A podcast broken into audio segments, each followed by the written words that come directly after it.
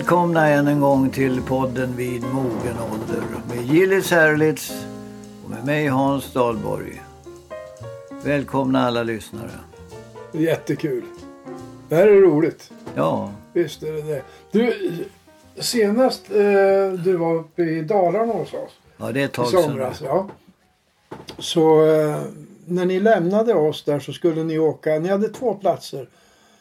Två saker ni ville titta på. Där, bland annat var det Komi- Komissommar i Dala-Floda. Ja, just det. Och så Dan Anderssons hus i Låsa. Hur Ja. gick det med det där? Alltså vi cirklade runt i Dala-Floda för att leta efter den här marknaden i samband med den så kallade komissommaren. Jag måste säga att vi såg inte mycket av detta utan Jaså? Ja, det var var- det rätt datum? Ja, det var rätt datum men vi, vi hittade inte platsen där man firade detta. Men Ni såg inte ens några kor? Nej, absolut inga kor. Nej, men vi fortsatte till eh, mot Grangärde och mot eh, Ludvikahållet. Och eh, när jag var i Grangärde så började jag leta runt där och jag skulle hitta någon skylt till Dan Anderssons Ja. hemtrakter. Det fanns ingenting. Gick in på en matvaruaffär och frågade om man ku- kunde guida mig till Dan Anderssons stuga i Låsa. Han såg på mig med, och som ett frågetecken och sa han visste för det första inte vad Dan Andersson var för figur och vad, vad dessutom var, vad han stod för och vad han bodde Men- än mindre. Oj. Ja, men då läste jag började bläddra och försöka googla mig fram och så småningom hittade vi en liten väg ifrån allfarvägarna som stod Dan Anderssons stuga. Jaha. Ett par kilometer in i skogen kom vi fram till en glänta och där låg det en liten hage och- men det fanns också en parkeringsplats och så en pil till Dan Anderssons diktarstuga. Nej. Oh, Men då var det så... Var det en enkel stuga eller? Ja, det tråkiga var ju att det var 700 meter, nästan en kilometers gångväg där Annas rullator inte hade en möjlighet. Så hon fick sitta kvar i bilen och vänta medan jag, jag knallade ner till denna eh, diktarstuga. Som var en liten stuga på två rum. Eh, väldigt eh, väl bevarad och mycket vackert och pietetsfullt eh, hanterat. Och man såg det skrivbord där han har suttit och skriva, skri, skrivit sina fantastiska naturromantiska dikter. Han, eh, han har en enorm förmåga att hantera det svenska Ja, språket. verkligen. Så det var, det var verkligen en stor upplevelse tycker jag att, att se den här stugan. Att den var så väl bevarad utav hembygdsföreningen där i Grangärde, Ludvika-trakten. Men eh, samtidigt väldigt sorgligt att man inte kan komma dit på annat Ja. sätt än att vandra. Och eh, sen eh, något förvånande måste jag säga att den var utmärkt så dåligt Ja. på. Och det är lika förvånande att en ortens son inte kände till Dan Andersson. Ja, så det är beklagligt. Det, det- men det där, är jag, jag, vi var i Berlin för några år sedan. Och jag är väldigt förtjust i Bertolt Brecht. Ja, ja. Tyska eh, dramatikern som har betytt så oerhört mycket för utveckling av själva teaterkonsten tillsammans med Kurt Weill och Lotta Länge och. Och han hade ju sin egen teater i Berlin som hette Berliner Ensemble. Och eh, vi gick och gick och gick och jag hittade inte den där. Så frågade jag folk där, ursäkta mig, eh, var finns, var ligger Berliner Ensemble? Vilket då? ja. Berliner Ensemble, ni vet Brecht. Vem? Nej, De hade inte hört talas om Brecht. Men så, så småningom hittade vi ju fram och så gick jag in och tog en pilsner på en, en sån där liten bierstube bredvid. Och så beklagade jag mig där och sa tänk att jag har träffat så många som inte har en aning om vem Bertolt Brecht är. Och då var det en man han vände sig till mig och sa Det är västtyskar. Vi östtyskar vet. Jaha. Och det var eh, rätt intressant. Men det är klart att om du gick på Drottninggatan och gick in i affären och frågade Strindberg ska ha bott här på eh, Drottninggatan. Kan ni tala om var det ligger? ytterst få vet vem. De vet vem som vann Idol. Ja, men de vet absolut inte vem Strindberg var. Tror du inte det? Nej, ytterst få. Ja, men det är Och, ja, men, hela den här sångskatten med Evert Taube. Mm. Det, alltså det, om vi, nu tar vi en, Evert, en Taube-låt. Nej, det är inte... Det är vår generation. Mm. Det, det går fort eh, undan. Jo, det, det gör det men, det. men det här är ju ändå på något sätt odödliga. Alltså Strindberg är ju inte vår generation. Nej. Vi vet ju. Alltså jag tycker, men eh, visst är det en särskild känsla när man är på ett sånt här ställe. Jag tänkte på det när vi var uppe och besökte eh, Pettersson Bergers hem på Frösön och när du berättar om Dan.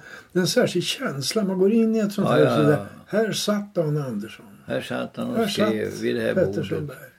Och han satt och tittade ständigt in i den här elden här Ja. som brann.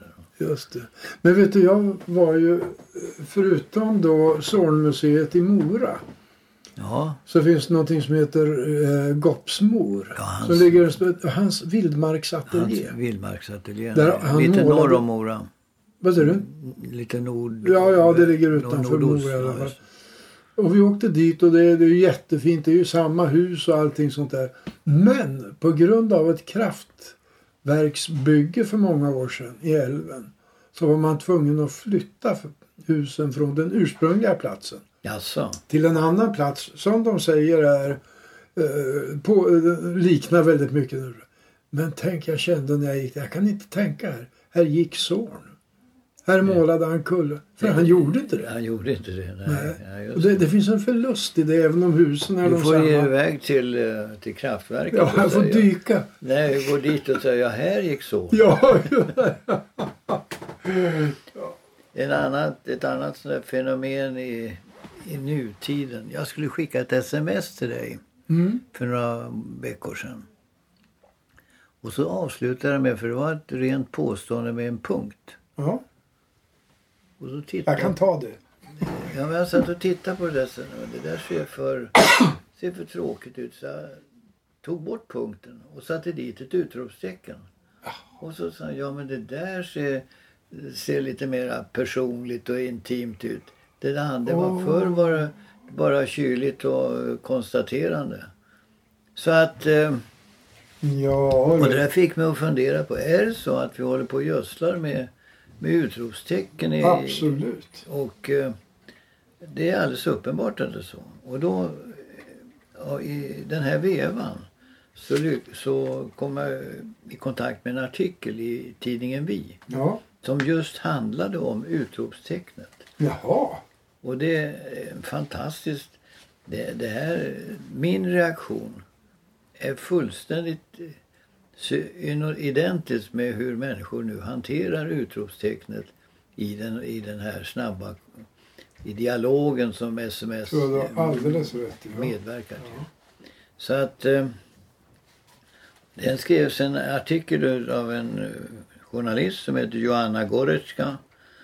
Och hon eh, konstaterar att det vimlar av utrop i våra elektroniska meddelanden. Den stackars punkten, tidigare neutral, har blivit synonym med känslokyla. Ja, skriver hon så? Ja, Ja, hon skriver ja, ja. så.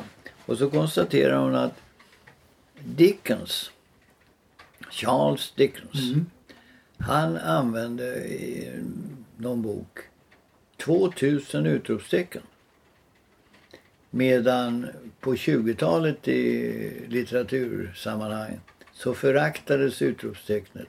Så att Hemingway, denna machoförfattare, han använde i Den gamla havet endast ett utropstecken. Nej. Så att eh, det, det går mode i, eh, i interpunktion. Det här var mycket intressant. Alltså. Och eh, den här författaren Vi, hon har då hittat en artikel i Wall Street Journal där en journalist, Catherine Blindley, utro, hon eh, forskade då om utropstecknets tyranni. Och eh, vi plågas utav punkt eller utropstecken och vad händer med innebörden? Vad är det för klangfärg? Och det leder till att eh, vi, vi föredrar utropstecknet i vår ångest att framstå känslokalla och ointresserade. och sätta med en punkt. Men, Och hon eh, tog fram ett exempel om en kvinna som hon hade meddelat sin chef att hon, hon bad att få jobba hemifrån en dag på grund av hälsoproblem.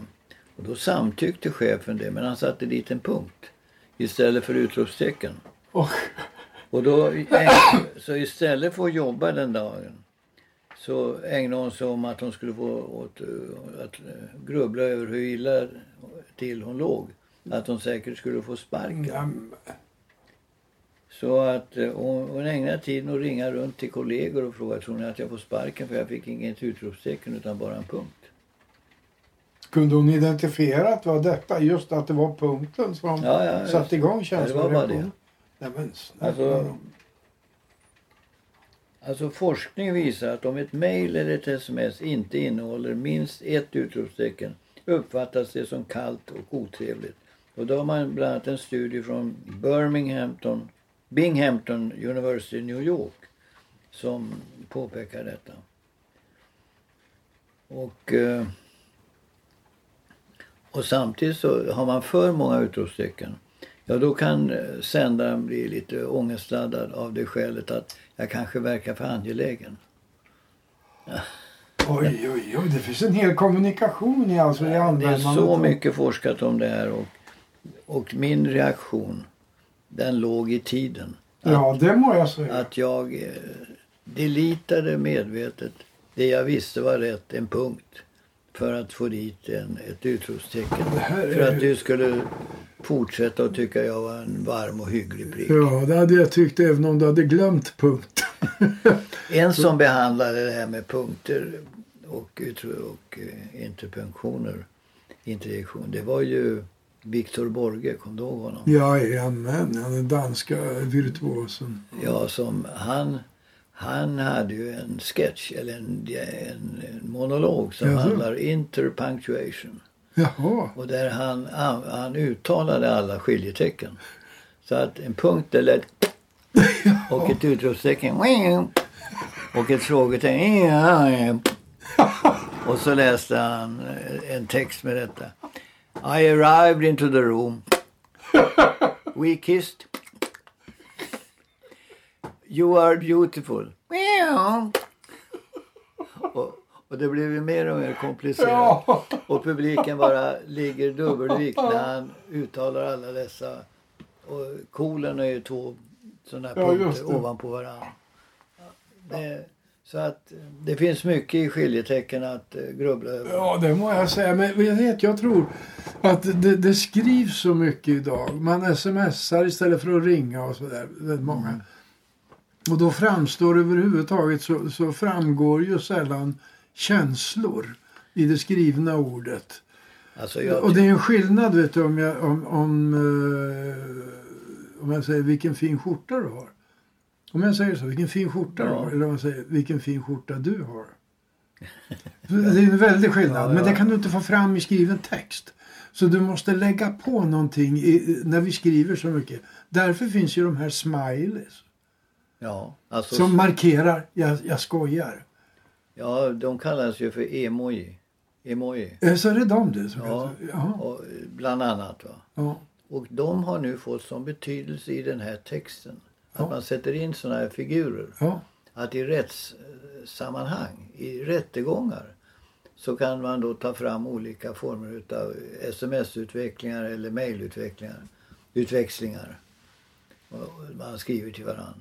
Och då måste också rätt, alltså domstolen kunna tolka vad betyder den där smileyn? Vad ja, betyder, just det. vad betyder just den där Förändrar den hjärtat? innehållet, Ja. innebörden? Ja. Så att eh, vi är inne i en helt ny analysteknik. va.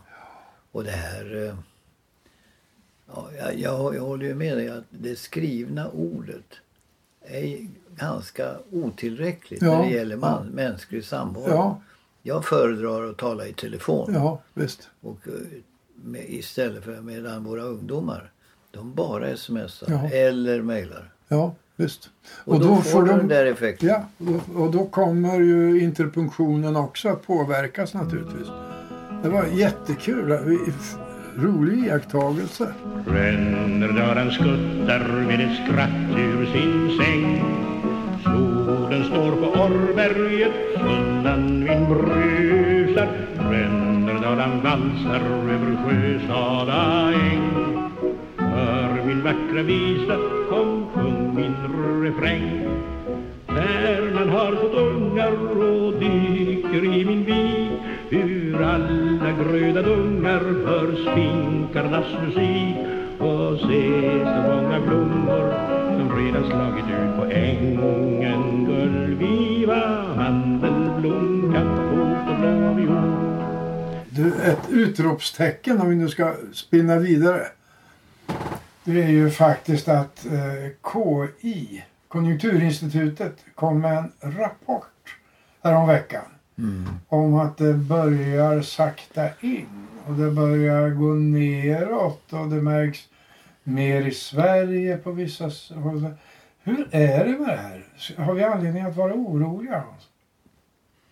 Det var väl i och för sig väntat att vi efter den eh, högkonjunktur vi har haft, det skulle ske en inbromsning. Så det är inte så märkligt egentligen. Och eh, det är ju en fråga om att tillväxten har stannat upp. Tillvä- det har naturligtvis eh, effekt på till exempel budgetarbetet i finansdepartementet. Om man räknar med en, om man sitter och räknar med en tillväxt som sen uteblir. Det, det är ju inte bra för att te, ska man ha ett reformprogram så bygger det på att man har en finansiering och den bygger egentligen på att ekonomin ökar och att Ja. det finns ett skatteunderlag som tar hand om det här. Så att reformutrymmet minskar definitivt. Såvida man inte bestämmer sig för att finansiera reformerna med upplåning. Men det, förr eller senare ska ju lån betalas tillbaka. Nu har ju den svenska staten inte något eh, skrämmande låne, någon skrämmande kreditsituation. När, när det gäller finansinstituten så har de ju tidigare råkat illa ut på grund av kreditförluster. Det är bankerna du talar om. Ja, men kreditförluster har nästan alltid uppstått när det har varit höga räntor. Och Jaha. ränteläget är ju, väl, är ju lågt. Ja, just det. Så att i regel kommer nog de flesta att kunna klara sina lån. Men eh, det kan ju vara så att bankerna börjar tveka att låna ut pengar. Då, då torkar krediterna upp och då eh, får ju det också en bromsande effekt på ekonomin. Men egentligen är ju det här ganska eh, väntade händelser. Jag tror inte att man ska vara överdrivet orolig. Nej. Du tror inte på Nej. en eh, finanskris av det slag vi hade? En och annan säger att det kan bli det. Jag, jag har svårt att se den framför mig av det skälet som jag sa att, Ja. att ränteläget är så pass är så lågt som det är. Och även om räntorna skulle smyga uppåt så är det en väldigt långsam takt. Är banker så bättre förberedda idag tror du på en sån eventuell kris än vad de var 2008? Var det 8? Alltså bankerna i Sverige 2008, då- de, de hanterar ju det här väl. Mm. Det, det var en bank som ägnade sig åt för stora för Swedbank. De köpte för mycket banker i Baltikum och Ukraina. Men den inhemska bankverksamheten, till skillnad vad folk säger, skötte sig bra. Sen kan jag då säga att var, Sverige var ett undantag mot hur det såg ut i Europa. Mm. Många banker i Europa hade stora problem 2008. Men eh, Men finns det inte någon, ibland kan jag tro, som jag tror att jag har påpekat det förut som en fråga och fick det bekräftat av dig, att ekonomi i mångt och mycket är en beteendevetenskap egentligen.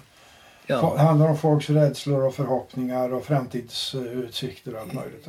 helt, helt entydigt är det så. Ja, och då undrar jag om inte det här ibland blir en självuppfyllande profetia. Om man har investerare idag eller en företagare som kanske drar sig för att investera när man får höra att det är på väg neråt. Som Ja. drar sig för att investera därför att man vet inte hur det slutar riktigt. Drar sig för att anställa flera. Drar sig för att bygga den där extra Det är fabriken. precis så. Det är precis så Det är ja. precis så. Och så- och det, det, om, om vi tar tullkriget mellan Kina och USA Ja, vi så är det har, naturligtvis på det sättet att ytterst få har gjort någon faktisk analys. Vad blir det exakt i kronor och ören? Men det är en skrämmande tendens i det här. Ja, jag, jag avvaktar och ser vart Ja, det tar vägen. just det. Det, den här, den här, det var väl Roosevelt som sa What I fear most is a fear itself. ja, Och det, Ja, vad jag fruktar mest är för Ja. fruktan det, i sig. Va? just det. Vad det leder till. Ja, därför att eh, återhållsamhet, Ja, feghet, försiktighet. Så att eh, men det här betyder ju också att... men, eh, om, om, om, om det kommer en signal och säger att tullkriget mellan Kina och USA har eh, nu på något sätt avklarats. De kommer inte att hålla på på det här sättet. Då skulle börserna sticka direkt. Stiga omedelbart. Ja, Eller om man sa Ja, Brexit är svårt att veta, att tolka vart ett, om, om, om det blir ett avtalslöst Brexit då skulle vi bli väldigt eh, dämpade tror jag. ja. Men jag vet... Jag, jag, jag tycker det har varit så många turer kring Brexit och, och sen när man väljer Boris Johnson, det är ju engelsmännens sak. Men eh, han verkar ju rulla på bara och vara någon förespråkare ja, för avtalslöst. Ja, samtidigt som eh, EU säger att vi, Vi backar inte. nej vi backar inte. Ja. Men du, alltså det gäller då budgeten, statsbudget och så där. Du säger att det finns en, det måste, det här leder till en viss återhållsamhet i Ja, utsvävningar, ekonomiska utsvävningar. ja jag vill inte säga utsvävningar, reformer. Ja, reform, all right, all right. Det är lite... Jag förstår piken. Jag har en som jag verkligen skulle vilja rekommendera dig att läsa. Den heter Escape from Camp 14. Camp- Flykten från läger 14. Jaha. Och den är skriven utav en kille som heter eh, Blaine Harden. Och det handlar om Shin. Shin är alltså Shin Dong-Juk. Han föddes i läger 14. I ett av de stora politiska fängelserna i norra Nordkorea. Jaha. Oj. Och han... Eh, Oj, vad spännande. Det är full kontroll över honom. Ingen som har fötts i kamp i läger 14 eller i något nordkoreanskt politiskt fängelse har kunnat fly. Ingen utom just Shin. Och den här boken handlar om den storyn. Den är Det handlar dels om hans tid i eh, lägret och dels Han skriver om sin tid i lägret och, eh, och hur han tog sig så småningom därifrån. Den är... eh, Är den gammal eller? Den ser tummad ut. Så det där Ja, alltså jag läste den för, för något år sedan. ja. Jag vet inte. Vilket oerhört spännande förslag. Fin- Vet du om den finns på svenska eller? Nej. Jag kan inte säga. Den är, jag upprepar. Escape from Camp 14. Flykten från läger 14. Om den är översatt till svenska det vet jag inte. Men den är helt enkelt oerhört gripande. Den ska jag med stort intresse läsa. Du kan ta den. Alltså, jaha, tack, tack, tack. Det var oväntat. Och snällt. Oväntat. Nej, inte oväntat, men snällt. Ja. Ja, vad säger du? Har du, har du läst något mer? Nej, jag inte... Alltså jag har ju påbörjat de här böckerna som jag talade om. Men eh, jag har inte kommit någon vart. Men jag ber att få återkomma så småningom. Det är ju spännande att läsa böcker om olika platser. Alltså ingående historisk kunskap. Alltså, det lockar mig att besöka sådana platser. Jag tror att eh, exempelvis tror jag det är många som har åkt till Shetlandsöarna på grund av den här Walters böcker om Shetlandsöarna. och- Ja, jag hänvisar ju två, till två böcker i inledningen till den här podden. Två författare. En som eh, gödslade med utropstecken och en som var Ja, machoorienterad. Ja, så här ska det inte vara några utropstecken. Charles Dickens och eh, Hemingway. Charles Dickens och, och Hemi- Hemingway. Just det. Har du läst något av Charles Dickens? Ja, för länge, länge, länge sedan. Och jag kan inte säga att jag har någonting aktuellt. Men han, han var en väldigt detaljrik författare. Hemingway då? Ja, Hemingway har jag läst mycket av. Han har alltså, när du talar om en macho, ja han är en machoförfattare verkligen. Det, det är ganska manligt språk om man får tala i lite konservativa termer. Hugget i sten. Hugget i sten ja och tufft och sådär. Ja, Solen har sin gång. ja visst, farväl till vapnen. Mm. Det, det finns Den havet. Nej, Ja, den, den hyllar alla som en av hans största. Är du eh, förtjust i den gamla havet? Jag tyckte den, den, den var långsam. Ja, den är väldigt långsam. Ja, det tyckte jag var mest påtagligt. Ja, nej, men det, Men å andra sidan, vi är ju både gamla och nära havet. och långsamma. ja, vi sitter väldigt nära havet nu och tittar ut över ett ganska grått hav. Just det. Då tackar vi för oss Ja, och hoppas att eh, sensommaren fortsätter vara god för Ja. våra lyssnare. och mejlar ni. Vid Ja. mogen alder gmail.com. Det Hej då. där, det där kan du bra. Jo, Tack ska du ha. Tack, tack. tack. Vi tar vägen mot stranden Vi som aldrig setts för Att du vågar gå med mig Ifrån trängsel och bil Det var enkelt för båda Bara öppna Sommarnatten är från och med nu din och min Med en suck rullar vår